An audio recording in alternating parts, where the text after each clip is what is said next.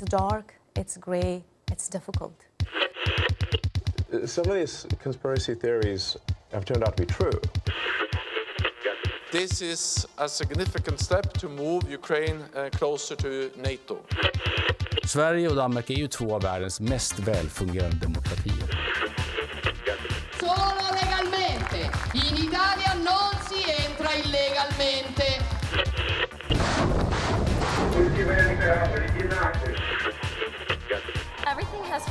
Place. I feel really good about where I am right now.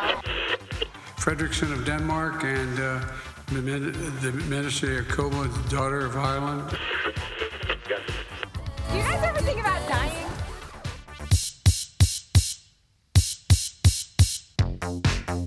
Jörðin og jólin verða í aðal hlutverki í heimskuðum í dag.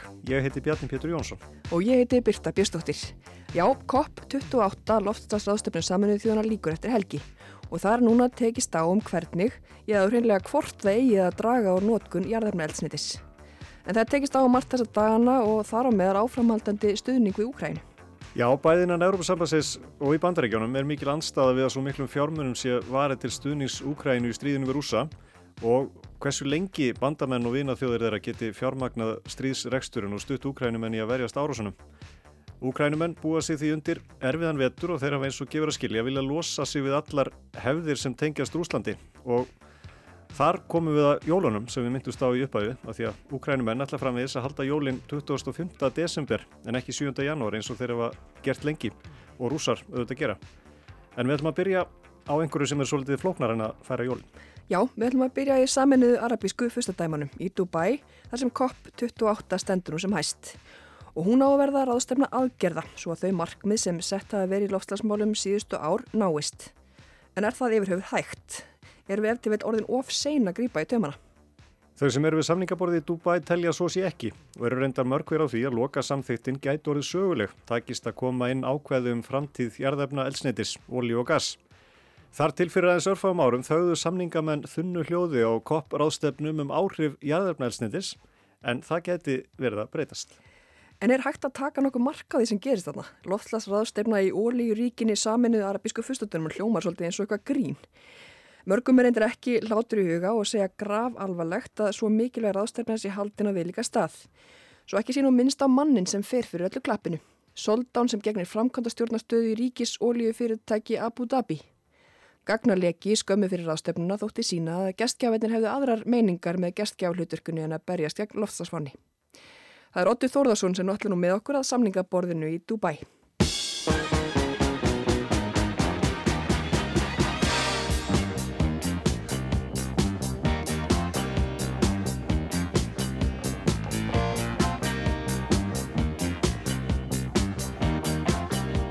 These allegations are false, not true, incorrect, and not accurate.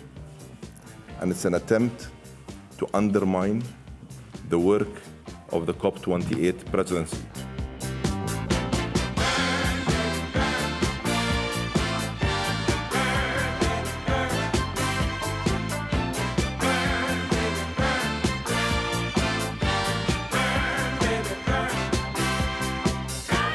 Viðbrögð soldánsins Ahmed Al-Jaber í saminuða arabísku fyrstadæmunum stóðu ekki á sér þegar hann var spurður út í ásakanir um að ríkið hegðist nýta sér geskjafalhutverk COP28, lofslagsráðstefnu saminuðu þjóðuna, til þess að ná gjöfulum ólíusamningum, víla og díla, væna og dæna. Ásakanirnar eru ósannar, sagði soldáninn, og þær eru tilraun til að grafa undan starfi mínu sem forseti COP28.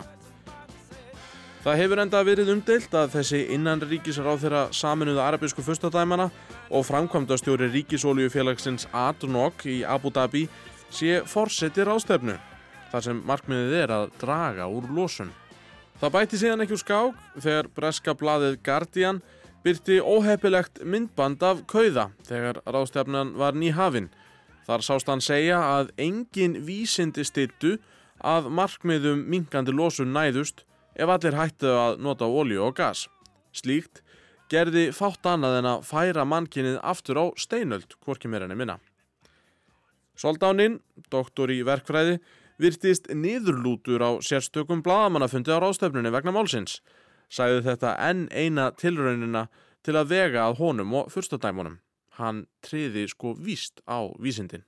I am quite surprised with the constant and repeated attempts to undermine the work of the COP28 presidency and the attempts to undermine the message that we keep repeating when it comes to how much we respect the science. En hvað erum við Vesturlanda búar að tauta? Erum við ekki barast að öll samseg þegar kemur að hamfara hlínuninni sem okkur er statt og stöðugt sagt að sé í þann myndað tortíma öllu. Okkur virðist allt jænt lítið miða áfram þrátt fyrir kopp ráðstefnur ár eftir ár. En kannski að árið í ár verði kjöfulla en fyrri ár. Yfirskrift COP28, 28. lofslagsráðstefnu saminuðu þjóðana eru aðgerðir, ákall um aðgerðir. Verið með, segja forsvarsmenn COP28, grípum til aðgerða. Eins og COP-ráðstefnum síðustu ára snýst allt um að efna lovorð sem undirrituð voru á COP21 í París árið 2015, Parísar samkomulegið. Þar var samþygt að halda hlínunjarðar innan tveimur gráðum á Celsius frá innbyltingu en helst 1,5 gráðu ef mögulegt er. Það viðmið hefur síðan orðið ofan á þótt háleitt sé.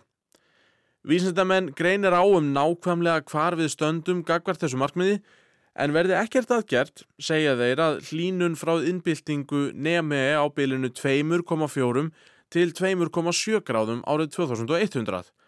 Það er allt of, allt of mikið. En stöldrum við. Af hverju var COP21 árið 2015 og COP28 núna er ekki bara 2023 ennþá. Hvernig virkar þetta einlega? COP-ráðstefnur hafa verið haldnar frá árinu 1995. COP1 var haldin í Berlín, COP2 í Genf ári síðar og COP3 í Kyoto í Japan 1997. Hinn fræga Kyoto bókun um að draga úr losun gróðurúsaloftegunda er þannig afrakstur COP-ráðstefnu, þó svo að þetta COP-tal hafi ekki fest sig í sessi fyrir en síðar. COP hefur svo verið haldið árlega síðan, meira að segja í Doha í Katar, auðugu oljuríki. COP21 í París markaði vatnaskil, eins og áður sæði. Þar var markmiðið um 2 gráður á Celsius samþygt sem mestöll vinna COP-ráðstefna hefur miðast við allarkvöldur síðan. Missum ekki sjónar á pólstjörnunu okkar 1,5 gráðum, sagði Soldánun umdeldi til dæmis í setningaræðu sinni á COP28 í síðustu viku og vísaði þannig í það markmið sem ofan á hefur orðið.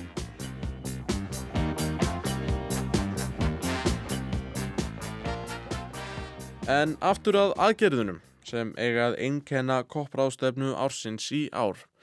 Strax á fyrstu dögum ráðstefnunar samþyktunar öll aðildaríki stofnun loftslagsbóta sjóðs fyrir fátækari ríki sem verða fyrir áhrifum loftslagsbreytinga. Með sjóðnum eiga ríkari lönd að borga fátækari löndum fyrir þann skada sem þau valda þeim með stöðugum útblæstri og annari mengun. Vilja yfirlýsingum að stopna þennan sjóð var raunar samþygt í fyrra á COP27 í Sharm el-Sheikh í Egestalandi og í ár hófst ráðstefnan á því að samþykja hvernig hann skildi útfærður og í ljós kom hver há framlögin yrðu. Og svona gengur þetta fyrir sig. Áfram sílumst við í áttað árangri með því að byggja ofan á þá vinnu sem náðist á síðustur ráðstefnu og síðustur ráðstefnu fyrir hana og svona koll af kolli. En hver er síðan árangurinn? Lofslagsbótasjóðurinn sem ætlað er að bæta skadan af lofslagshamförum sem sífelt verðast dinja á heimsbyðinni er ekki íkja stór. Gestgjafarnir í saminuða arabísku fyrstadæminum leggja til mest 100 miljónir dollara. Bretar leggja til 76 miljónir dollara og bandaríkin, eitt voldugasta ríki heims, leggja til litlar 17 miljónir dollara. Hlutfarslega er það eins og ef Ísland leði til 2 miljónir króna, alls ekki svimandi upphæðir. Ísland leggur vel að merkja til 600.000 dollara í sjóðin, einar 80 miljónir sem mörgum þykir ansi gott í samanbyrði við önnur lönd. My government is committed to mobilizing increased funding to climate financing. and we are proud to take part in the establishment of the new fund for loss and damage. Our contribution to begin with will be 600,000 US dollars. En fleiri aðgerðir. Um 100 aðildaríki hafa einnig náð saman um að þrefalda framleiðslu endur nýjanlegar orku fyrir árið 2030. Vonast er til að það færi mannkinn nær því að hætta nótkun jarðefna elsneita fyrir árið 2050. Mörg þessara 100 aðildaríkja vilja að ákvæði um þetta verði samþygt í loka álöktun COP28. Það þýðir að um 200 ríki verði að skrifa undir. Vilja yfirlýsingar COP-ráðstefna krefjastenda einróma samþykis allra. Þess vegna geta COP-ráðstefnur dreyjist á langin. Í fyrra reyndu menn í kappið við tíman að semja sig niður á ákvæði um loftslagsbóta sjóð. Klukkan sjö um morgunin, tveimur dögum eftir að ráðstefnunni áttið að ljúka, náðist loksins samkómulag um þetta. Nokkrar hræður voru enn í salnum þegar samkómulag náðist, flestir aðrir laungufarnir heim og viðbröðin því eftir því. Heyra mátti vandræðilega máttlust klapp þegar fórsetið þingsins lísti fundarsleitum. I now declare the conference closed. Fagnaðarlætin voru öllu meiri á sögulegu koppráðstefnunni í París árið 2015. Positif, je n'entends pas d'objection. L'accord de Paris pour le climat est accepté.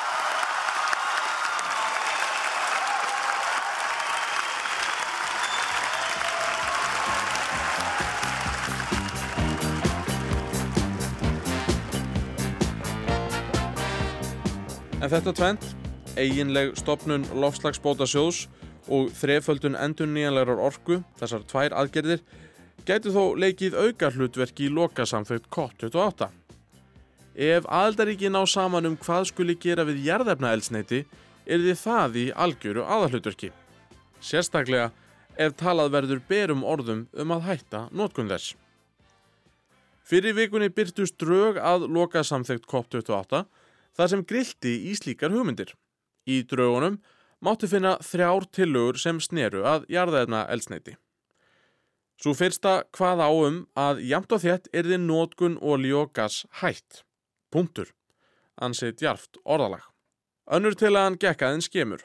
Hraðar er þið dreyið úr nótkun jarðefna elsneita til þess að orkuframleysla heimsins næði að verða kólefnislautlaus fyrir árið 2030. Þriðja til hann hvað svo áum að ekkert yrði fjallaðum jarðafna elsneiti í loka samþygt COP28. Engin lofvort, engin markmið. Ef svo fer að ákvæðu um framtíð jarðafna elsneitis verður rætt í aðdraðanda undirritunar, gæti slegið í brínu milli aðeldaríkjana. Þetta er enda stærsta pólitiska bitbeinið í þessum fræðum og výlínan er skýr. Oljuframlisluríki vilja mörg hver alls ekki að loka samþygt COP28 hveði á um stöðfun á nótkun jarðefnaelsnitis. Hvað myndi það eiginlega gera fyrir ríkiskassan? Sum þessara ríkja, eins og til dæmis Sáti Arabia, vilja síðan heldur ekki sjá samþygt að draga skuli úr nótkun jarðefnaelsnitis. Það eina sem verðt væri að ræða, væri að ræða málið, bara ekki neitt. Lofa engu og strengja engin heitt. Ísland vel að merkja stiður tillögur um að hætta nótkun jarðefna elsneitis í fyllingu tímas. Ísland myndi þannig líklega styðja tillöguna sem lengst gengur.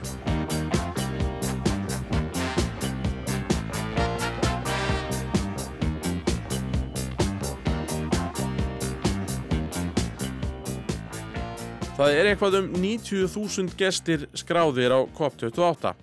Þjóðarleituar og örfáir aðrir háttskrifaðir gestir fá bláan passa. 2000 annara fá grænan passa. Þar á meðal þúsundir fyrirtækja, stopnanna og hagsmunahópa og forstöðu fólks þessara hópa. Guðlur Þór, Þórðarsson, umhverfis, orku og lofslagsmálur á þeirra. Þú ert út í Dubai. Segðu mér svona aðeins hvernig stemningin er þarna. Er, er mikil bjart síni sem að svífur yfir vötnum? Ég veit ekki, ég myndi ætla að segja að vera kannski frekar raunsæg þetta snýst náttúrulega eitt er um pólitískar yfirlýsingar en síðan eru á svona flestum uppbyrjum sem er á og tvílega þá er menn bara hugsa um í lausnum. Og e, þetta er orðið langstæsta markastorki þegar það kemur af grænum lausnum. E, það er mjög mikið íslensku fyrirtæki hér er áttján fyrirtæki og maður heyri það á okkar fólki hér að þetta er svona sá staður þar sem maður er auðvöldast að ná í fólk og uh, búa til tengsl. En þetta fer svona saman annars er eftir með pólitískar yfirlýsingar og það eru alls konar og ákvæmni og það eru allra handa hagsmunir oft mjög uh, ólíkir með norður og söður og íslegt annað uh, sem kemur þar inn. En, uh, en síðan er þetta að, að hér er verið að, að finna leiðir fyrirtæki og, og lönda að vinna saman á svona ymsulöstum sem er ekki eitthvað framtíð heldur er nútíð. Myndur þú segja að þetta væri dýrmætara heldur en það sem kemur fram í loka samþygt stjórnmálamannana? Ég hef ekki sagt það að ef að menn vilja árangur þá líkur alveg fyrir að það er, þá er það þessi aðilar, það er þessi aðtunum sem mun, mun leysa málinn. Það verður ekki neini aðri til þess og það er alveg löngu viðkjönt og alltaf vitt að fjóðríkinn ekkert gera það. Þannig að þetta er að velja hvort það veri lítið um yfirlýsingar og meira um það að mann væri að framkama það sem við erum að tala um og þá múum við alltaf velja, velja það síðan nefnda. Á þess að gera neitt lítið úr yfirlýsingar. Þegar kemur að lofórðum um að hætta að nota jarðarna elsneiti segir Guðlaugur að þar sé bæði margt sem gefið tilefni til bjartsíni en einnig svartsíni. Verið sé virkilega að reyna að þróa grætni lausnir og skapa grætni kvata en verkefni sé hins var svo stort að erfitt sé að finna töfralausnir. Slíkar töfralausnir verða að minnstu kosti ólíklega að finna í lokaniðustuðu COP28 að sinni, þó svo að mögulega verði eitthvað fjallað um þetta brína málefni. Þannig að það er kannski réttast að stilla bara væntingum í hófið eða hvað? Ég, ég held að það sem er almennt í lífinu og þá held ég að það sem nú bara betra. Ég uh, skulum, skulum sjá hvað verður. Það er, það er ekki gott að segja það þessari stundu, hvernig, hvernig, hvernig það verður.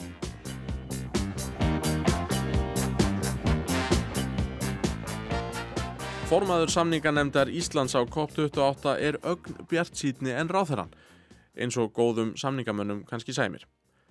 Helga Barðardóttir segist hannig ekki trúa öðru en að engverð veginn verði jarðefna elsneiti komið inn í lokasamþittina, sama svo sem íkvaða mynd. Já, ég held að það séu bara það margir sem eru á þeirri skoðin og það verði, það verði eitthvað um það. Hvernig það verði svo nákvæmlega útvært er svo kannski stærra spurningamarki og hvort að allt jarðefna elsneiti verði sett undir sama hatt ólíja, kól og gas. Það er líka, ég veist það svona kannski líka verið spurning.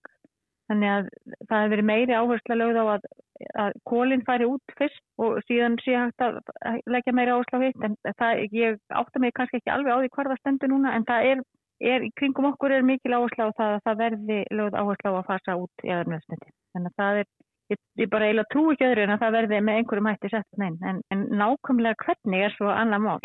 Helga segir að ákvæðum um kól hafi verið komið inn í samþyktir fyrir tveimur árum á COP26 í Glasgow. Þá hafi í upphafi verið talað um að draga úr nótkun þessa mjög svo mengandi orkugjafa en á endanum varði niðurstaðan að hætta nótkun þeirra með tíð og tíma. Það er því greinilega hægt að búast við því af samningarnemdum að gengi sér lengra og stærri skref tekin en útlitt var fyrir upphafi.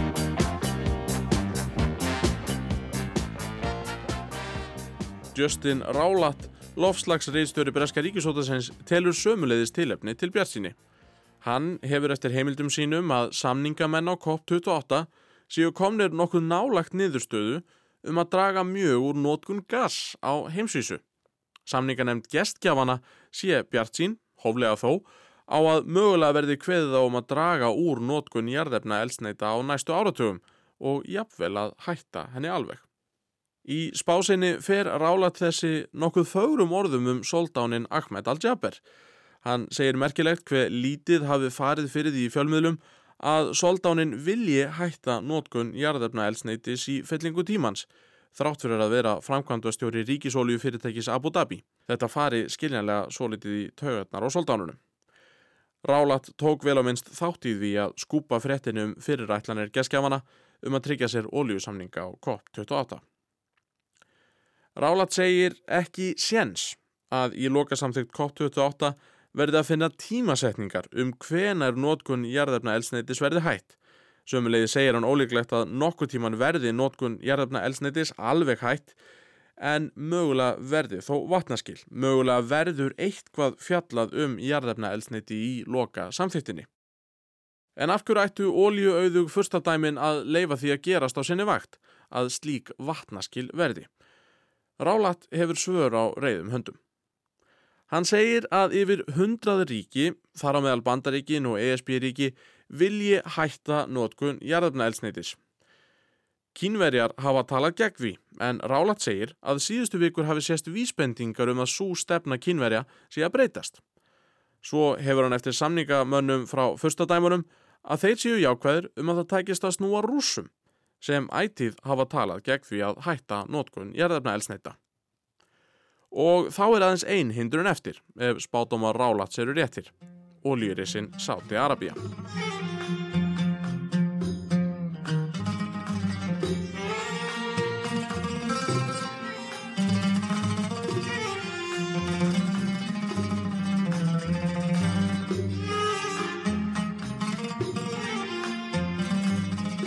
Orkumálar á þeirra sáta, prins Abdulaziz bin Salman, sagði í síðustu viku að það kæmi ekki til greina að styðja tilugur um að hætta nótkun jarðarna elsnitis. En Rálat hefur eftir heimildum sínum úr ríkisólju fyrirtæki sáta Aramco að fyrirtækið styðji slíkar tilugur. Af hverju? Jú, sátar gætu þannig lappað upp á lélegt loftslags orðspor og auðveldað viðskipti sín við önnu ríki Mohammed bin Salman, krónprins Sáti Arabíu, hefur síðustu ár verið að reyna nútíma veða landið. Það er vel þekkt að hann vilji færa ekkin í fleiri körfur, ekki reyða sig um of á oljuauðin, heldur skapa tekjur á fleiri stöðum. Grannar Sáta í saminuða arabísku fyrstadæmunum hafa farið á undan með góðu fordæmi hvað þetta varðar. Bæði Abu Dhabi og Dubai, þar sem COP28 er haldið, eru skínandi viðskipta miðstöðvar þar sem veslað er með margt fleira en bara ólju og gas. Sigurinn er ekki unnin, segir Justin Rálat, en verðir að fylgjast með niðurstöðum COP28. En hvað gerist síðan við þessar niðurstöður? Skiptir allt þetta hafar í einhverju máli? Já, þetta er ágæðið spurning. Þetta er, hérna, þetta er í rauninni kannski ekki beinleginni spendandi. Þetta gefur svona skilabóð út um að þetta séu þau aðrið sem er nættilega stefna að og eins og ég sagði áðan sko til dæmis þessi ákverðin frá Glasgow að hún hefur alveg sett tónin um það að einu hálfgráða við, sko, við erum eiginlega alveg hægt að tala um þörgráður þannig að það verði að halda hækkuninni innan við einu hálfgráði þannig að það má segja að það hafi svona sett tónin og það er svona ákveðin nýtt viðmið sem kemur þaðan. Þannig að það er hérna, það er ekki beinlisbind að þetta setur tónin og svona hjálpar okkur að komast áfram þángar sem við þurfum að fara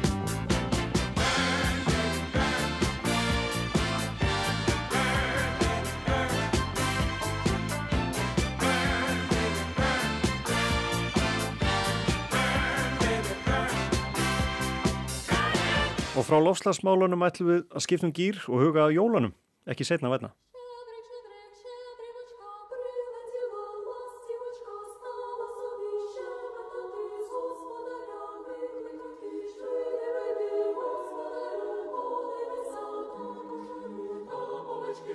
Flest höfum nú heyrt þetta ágæta jólulag en vissur þú Bjarni Petur að þetta lag er úkrænst?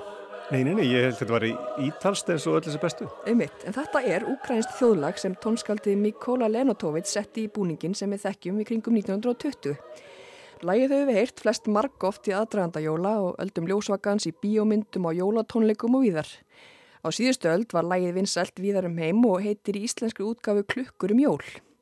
En lægið er samsagt upprunlega frá Úkrænu og þar er lægið reyndar frekar tengt við áramótun heldur njólinn. Enga síður flöggum við þessu ágættarlegi hér því það tengist næsta umfyllunarefni sem er jólinn í Úkrænu.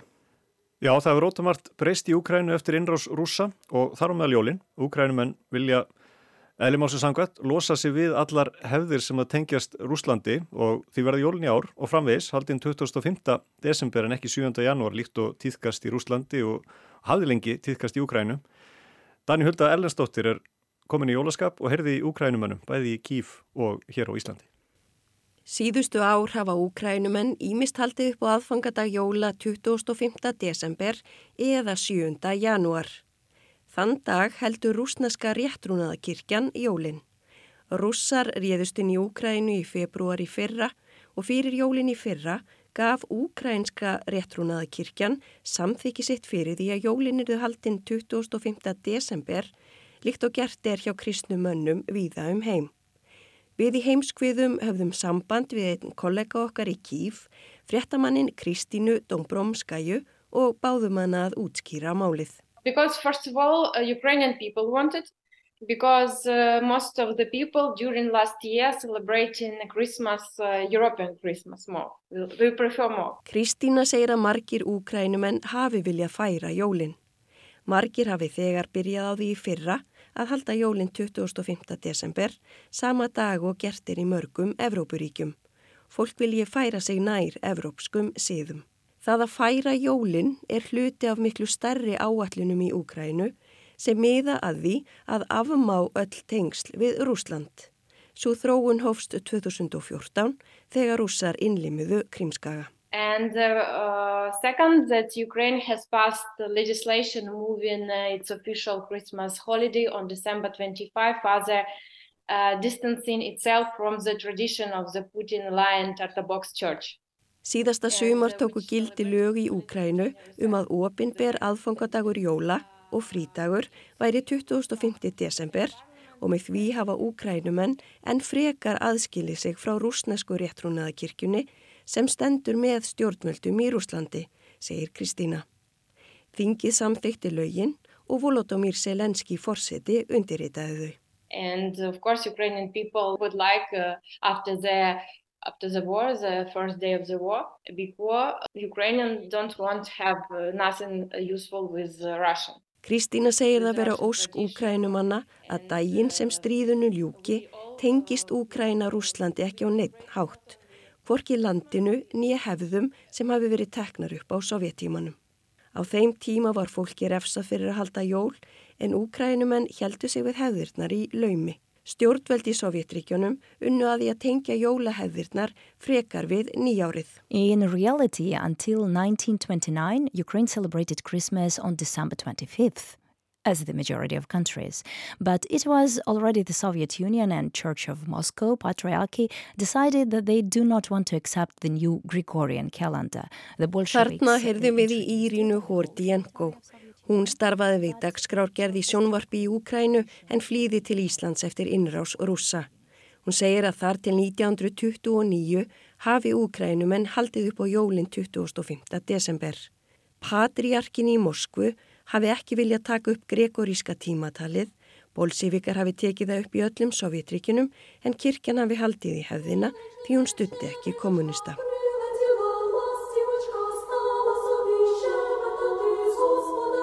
Þannig hafði þetta verið lengi og úkrænumenn fengið tvo frídaga vegna jóla. Í spjalli mínu við Írinu og Kristínu komst ég að því að úkrænumenn eru mikil jólabörn og að hefðirnar eru sterkar og margar. En núna eru skjelvilegir tímar og það hefur áhrif á jólahaldið. Það eru liðinær tvö ár frá innrás rúsa og það sér ekki fyrir endan á átökum. Fregnir hafa borist af hörðum bardugum en výlinan hefur lítið þokast á árinu. Í vikunni gerðu rússar árás í Hérsson þar sem tveir voru drefnir og einn særður. Verst er staðan í austurluta landsins. Rússar hafa síðustu vikur lagt megin áherslu á að ná bænum af dýfka á sitt vald. We are not celebrating too much because we have a war, it's a war continuer and uh, especially Russians, they like to attack Ukrainian uh, um, cities uh, during uh, some celebrate, during some holiday. And we are now preparing to, and the people of Ukraine are ready that uh, the Russians can be Kristína segir að háttíðarhöldi núna um jólin verði lástemt því Úkræna standi í stríði. Þá sé þekkt að rússar geri árásir þar sem mannfjöldi komi saman. Úkrænumenn viti af hættunu og rússar geri árásir þennan sérstaka dag á aðfangadag. Þessi gömul hefða fólk gangi hús úr húsi og syngi jólalög eða sapnist saman á torkum en minna sig um það núna því ekkert lát sig á stríðinu og mannfalli. Stjórnvöld hafi varað við því að árási rússa færist í aukana, ekki aðeins á výlínunni heldur líka á borgir. Uh, we are not uh, celebrating too much on the street because uh, that the war continues and the people uh, continue to die. Jólin í Úkrænu snúast fyrst og fremst um samveru fjölskyldunar. Það er að einhverju leiti breytt en það hafa miljónir neðst til að flýja og fjöldi þeirra sem eru eftir hefur verið kallaður í herin. Lots of families now are separated and I think that the majority of us will have these video family evenings and this is what I had last time. Írína segir marga ástvinni aðskilda. Hún telur að margir eigi eftir að halda jólin með því að spjalla saman í myndsýmtali. Það hafi hún gert í fyrra með sinni fjölskyldu. Fólkið hennar hafi setið við borðið og talað við hana í símanum. Þau hafi minnst ástvinna saman. Margir úkrænumenn hafi því miður mist ástvinni og því séu erfiðir tímar. Þau reynir þó að vera jákvæð og halda í hefðirnar. You know, uh, we're also talking about our defenders because they are in such a hard conditions now. They are cold and they are giving their lives to protect our motherland, to protect Ukrainians, to protect our future. So we try to support them as much as possible. Hugur úkrænumanna sé hjá hermönunum og þeim erfiðu aðstæðum sem þeir búi við í miklum kulda. Þeir fórni lífi sínu til að verja föðurlandið, úkrænumenn og til að tryggja tilveruréttin til framtíðar. Þau reyniði að styðja þá af öllu mætti og sendi þeim föt og gjafir.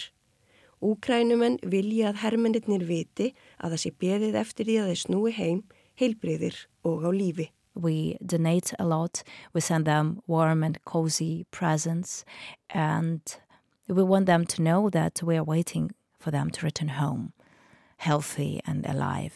Kristína í Kíf tekur í sama streng og segir áhyggjurnar af hernum og stríðinu yfirskikja jólinn. Fólk hafið þungar áhyggjur af því hvað gerist næst.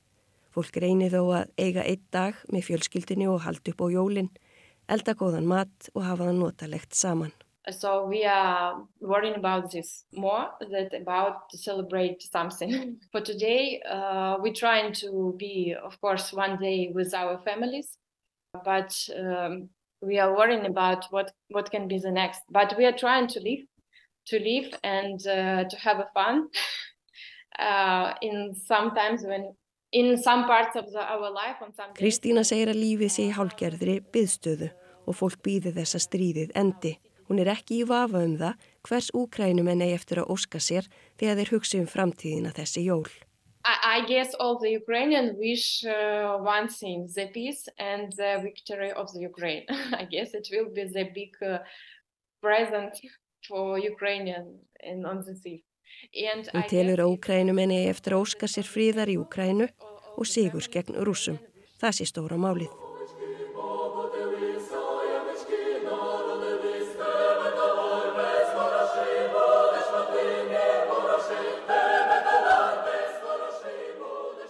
Eins og kom fram áðan þá eru jólin mikilvæg háttíð fyrir úkrænumenn og hefðirnar eru ótal margar. Itself begins in the morning in the family circle. It is always the family celebration and Ukrainians greet this great holiday with the words Christ is born and then they hear in response let's praise him. Fjölskyldan kemur saman á aðfangadagsmortni en það eru jólin mikil fjölskylduháttið, segir Írina. Eitt segja að Kristur sé fættur Henni svari dýrð sé honum.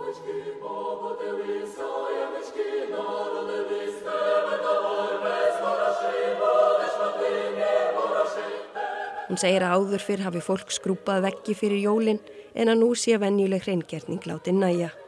Þá sé venjan að borða ekkert fyrir en fyrsta stjarnan sjáist á himni. Eftir það setist fólk til borðs og þar eru hvorki meira en í minna en tólf réttir. In this evening, the whole family sit down at the table and each should be covered with 12 dishes. And this number is not accidental because it symbolizes the 12 apostles or disciples of Jesus Christ and also 12 months of the year. Talan 12 er engin tilviljun, segir Írina. Hún takna læri sveina Jésu annars vegar og 12 mánuði ársins hins vegar. Helsti rétturinn er búðingurinn kútsja og er hann borðaður til heiðurs sem eru hortnir á braut. By eating kutya, we join in the commemoration of our deceased ancestors.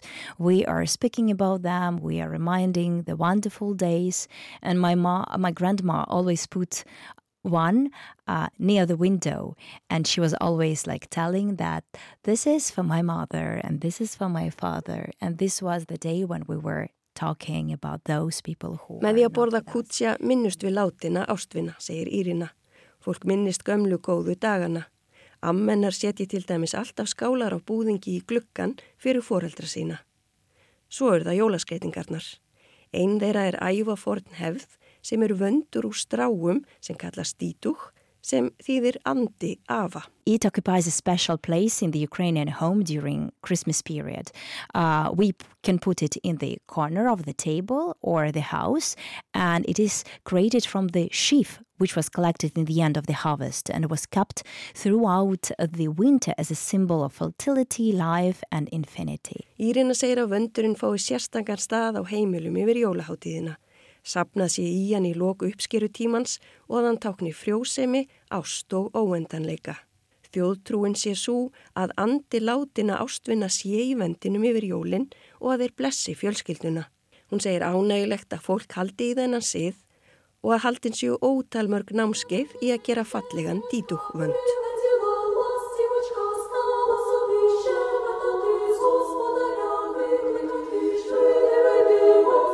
Við könnumst líklega flest við klippilistaverk í formi snjókorna. Þegar pappir er brotin saman og svo er klift í hann eftir kunstarinnar reglum og tilverður fallegt minnstur. Ein af jólahefðum úkrænumanna byggir á þessu en á munstærri skala.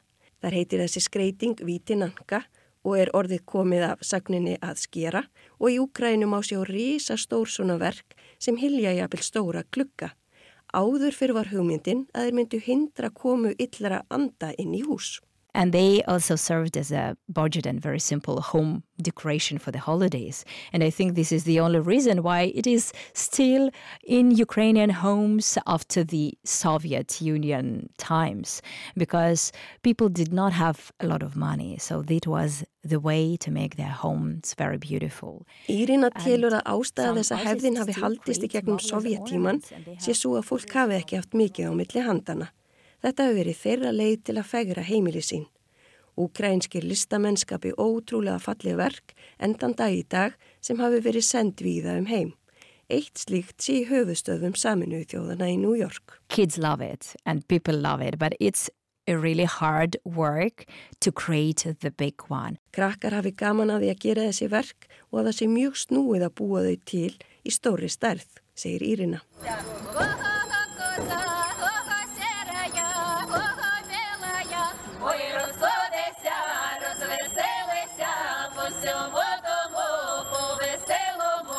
Samsöngur er hluti af jólunum í Úgrænu.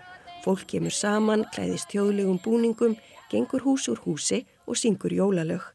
Heima býður fólk spennt eftir komu söngkópsins. So these kolatki and carolers, they go around houses holding a big star and they entertain their neighbors and family members for honey, money, and sweet gifts. A long time ago, our ancestors believed that the more guests come to your house, the more wealth and happiness it will be in your home. So they were also preparing lots of different gifts for them. Hóparnir fara hús úr húsi og eru með stóra stjörnum með í för. Þeir skemta nágrunum og ættingum og fá að launum hunang, pening og sætindi. Írina útskýrir að til forna hafi fólk trúaði að því fleiri gestir sem kæmu því meiri er því hamingjan á heimilinu.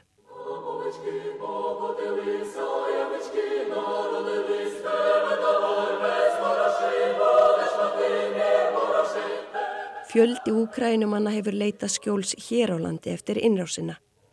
Þau standa fyrir viðburði í kólaportinu í miðbæ Reykjavíkur klukkan 12 á hádegi á morgun þar sem bóðið verður upp á úkrænskan jólamatt og sínishortn af jólahefðinum. Írína segir að með þessu vilji úkrænumenn þakka Íslandingum fyrir hlýjar móttökur. And this will be our manifest. We wanted to say thank you to all the Icelandic people who opened their hearts and accepted us in their homes. And that is why we want to invite them to this event. On the stage, we will be talking about Christmas traditions. We will show a little performance and we will treat everyone with our traditional food. So, welcome. We will be happy to see you and say you thank you looking into your eyes. Og þessum jólalegu nótum enda heimskvöður í dag. Við verðum hérna á sama tíma í næstu viku. Takk fyrir að lusta.